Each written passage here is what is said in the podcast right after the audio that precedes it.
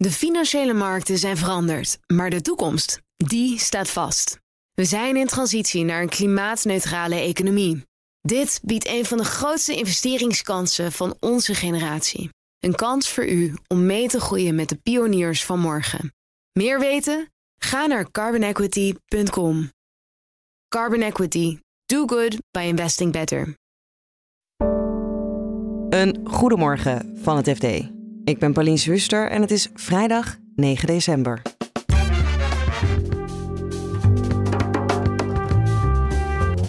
Netflix voert een juridische strijd over het gebruik van een videotechnologie. Bedoeld om een beetje ouderwets terug te kunnen spoelen, uh, maar dan in digitale bestanden. Uh, en ja, dat is digitaal weer lastig. Rabobank heeft al jarenlang achterstanden bij hun witwascontroles. Ja, dan zegt op een gegeven moment de toezichthouder ook... als je niet naar ons kan luisteren... misschien dat het OM wel wat meer druk kan zetten. En pensioenfonds ABP wil stoppen met fossiel... maar kocht ook olieaandelen. Aan een gewoon mens is dit eigenlijk niet uit te leggen. Dit is de dagkoers van het FD. Pensioenfonds ABP kocht in de eerste helft van dit jaar voor bijna 300 miljoen euro aan olieaandelen. Onze beursredacteur Puxi vertelt waarom dit opmerkelijk is. Nou, vorig jaar in oktober zei ABP: wij gaan stoppen met het beleggen in producenten van fossiele brandstoffen.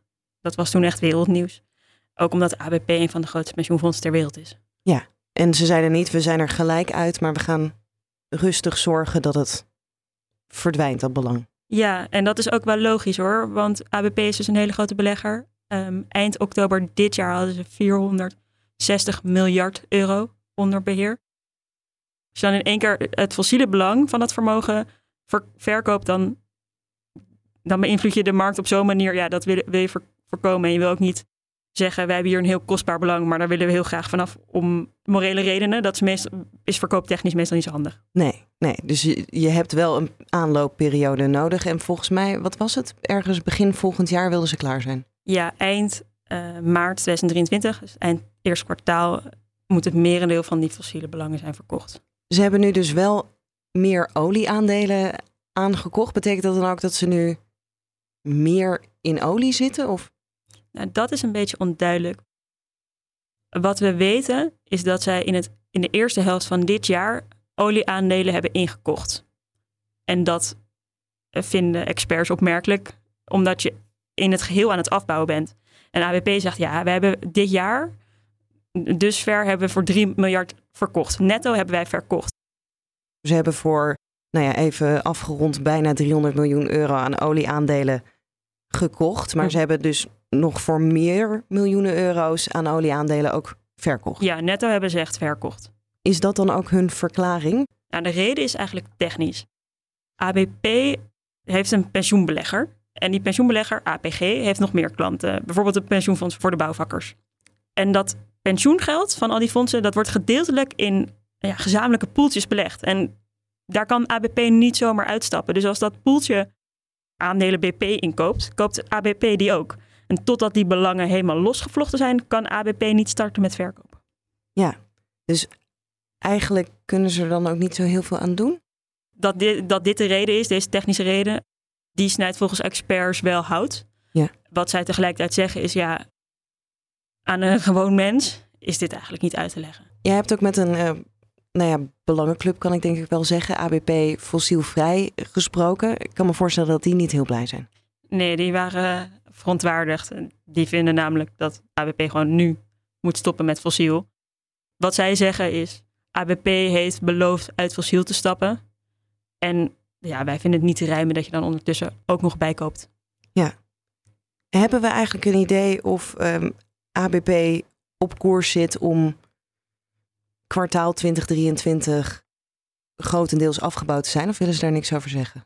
Ik heb natuurlijk gevraagd hoe het gaat met het verkopen van die belangen. In het eerste halfjaar van 2022 is dat beperkt gelukt vanwege de vervlochten belangen van APP met andere pensioenfondsen. Wat ABP tegen mij zei, is dat ze de hoofdmoot van de fossiele beleggingen waarvan ze, waar ze vanaf willen, in, ja, eigenlijk in deze tijd van het jaar verkocht zou moeten zijn.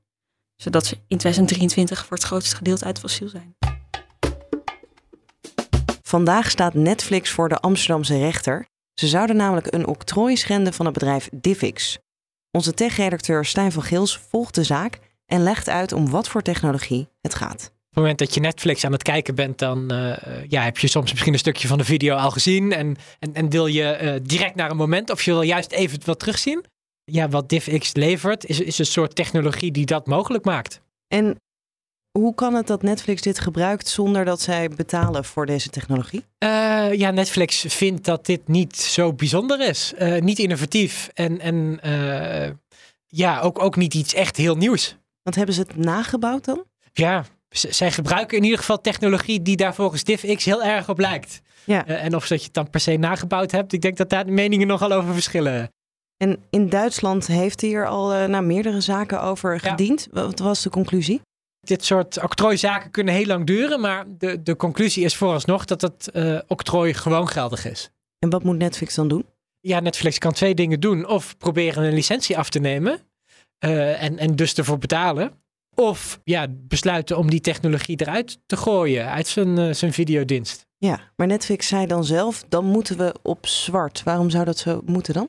Netflix heeft een, uh, een dienst die wereldwijd uh, werkt. en op het moment dat je in één land ineens wat anders aan moet bieden, ja, afhankelijk van hoe dat je je technologie hebt ingericht, kan dat nog best wel heel lastig zijn. Ja. Om, om, in Duitsland op een andere manier te werken dan in Nederland bijvoorbeeld. Ja, dus dan is het makkelijker om die technologie er niet uit te halen en gewoon in Duitsland te stoppen dan overal aan te passen. Precies. Ja, voor DivX, eh, zij hebben dat octrooi weer precies in, in Duitsland geldig gemaakt. Uh, omdat het een hele grote markt is die Netflix ook gewoon niet wil missen. Ja. Uh, en wat ze uiteindelijk, denk ik, hopen, maar ja, ze zeggen daar niks over, uh, is dat, ja, dat er dan wereldwijd een licentie wordt afgenomen. Waarom staat dit nu voor de Nederlandse rechter? Ja, heel simpel eigenlijk. Dat is dat het Europese hoofdkantoor van Netflix in Nederland staat. En de DivX wil dat dat Nederlandse bedrijf zich niet schuldig maakt aan octrooischendingen in Duitsland.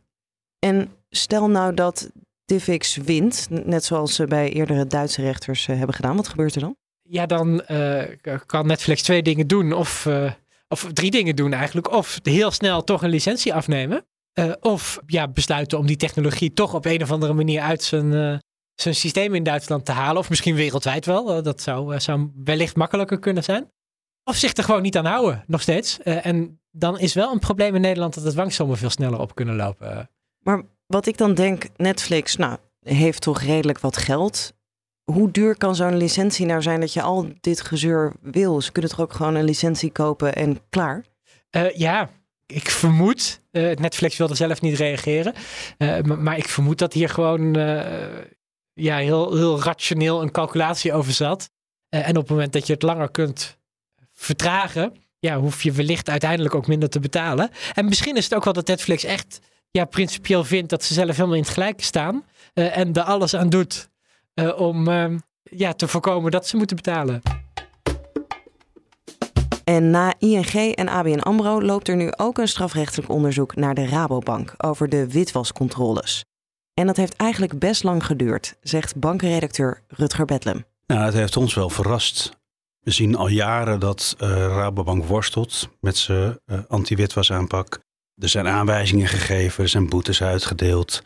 Uh, er is een handhavingstraject gestart. Um, bij de toezichthouder is dat dan bij de Nederlandse allemaal bank? bij een DNB. Hè, maar je ziet dan dus een bank die, ja, die toch wel moeite heeft om de achterstanden in de witwasdossiers in te, in te lopen.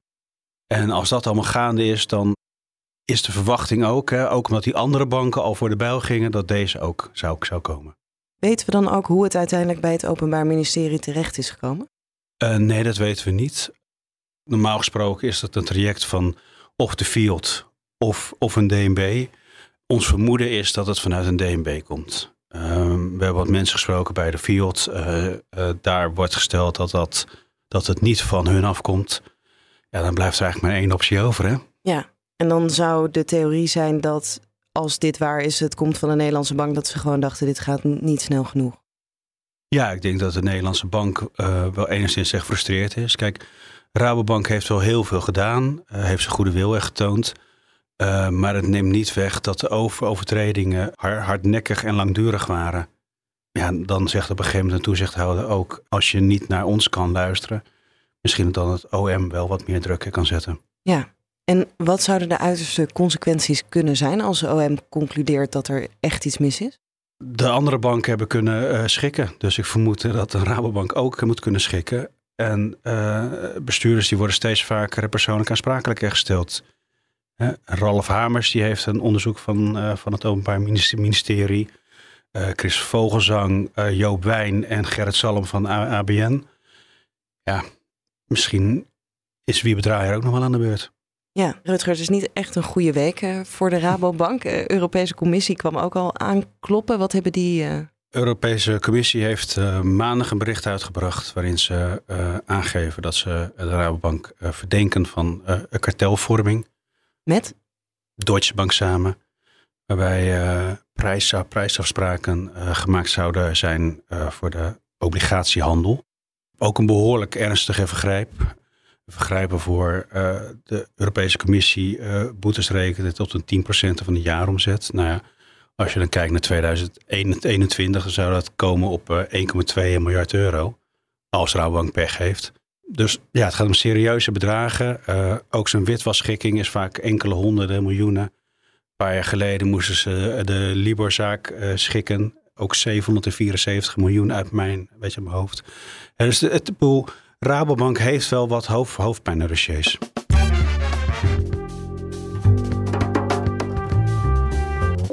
Dit was de dagkoers van het FD. Maandagochtend zijn we er weer. En morgen vind je in deze feed onze weekendpodcast De Week Voorbij. Deze keer over kopen op afbetaling en over welke wijn je het beste in huis kan halen voor het kerstdiner. Alvast een heel fijn weekend en graag tot maandag.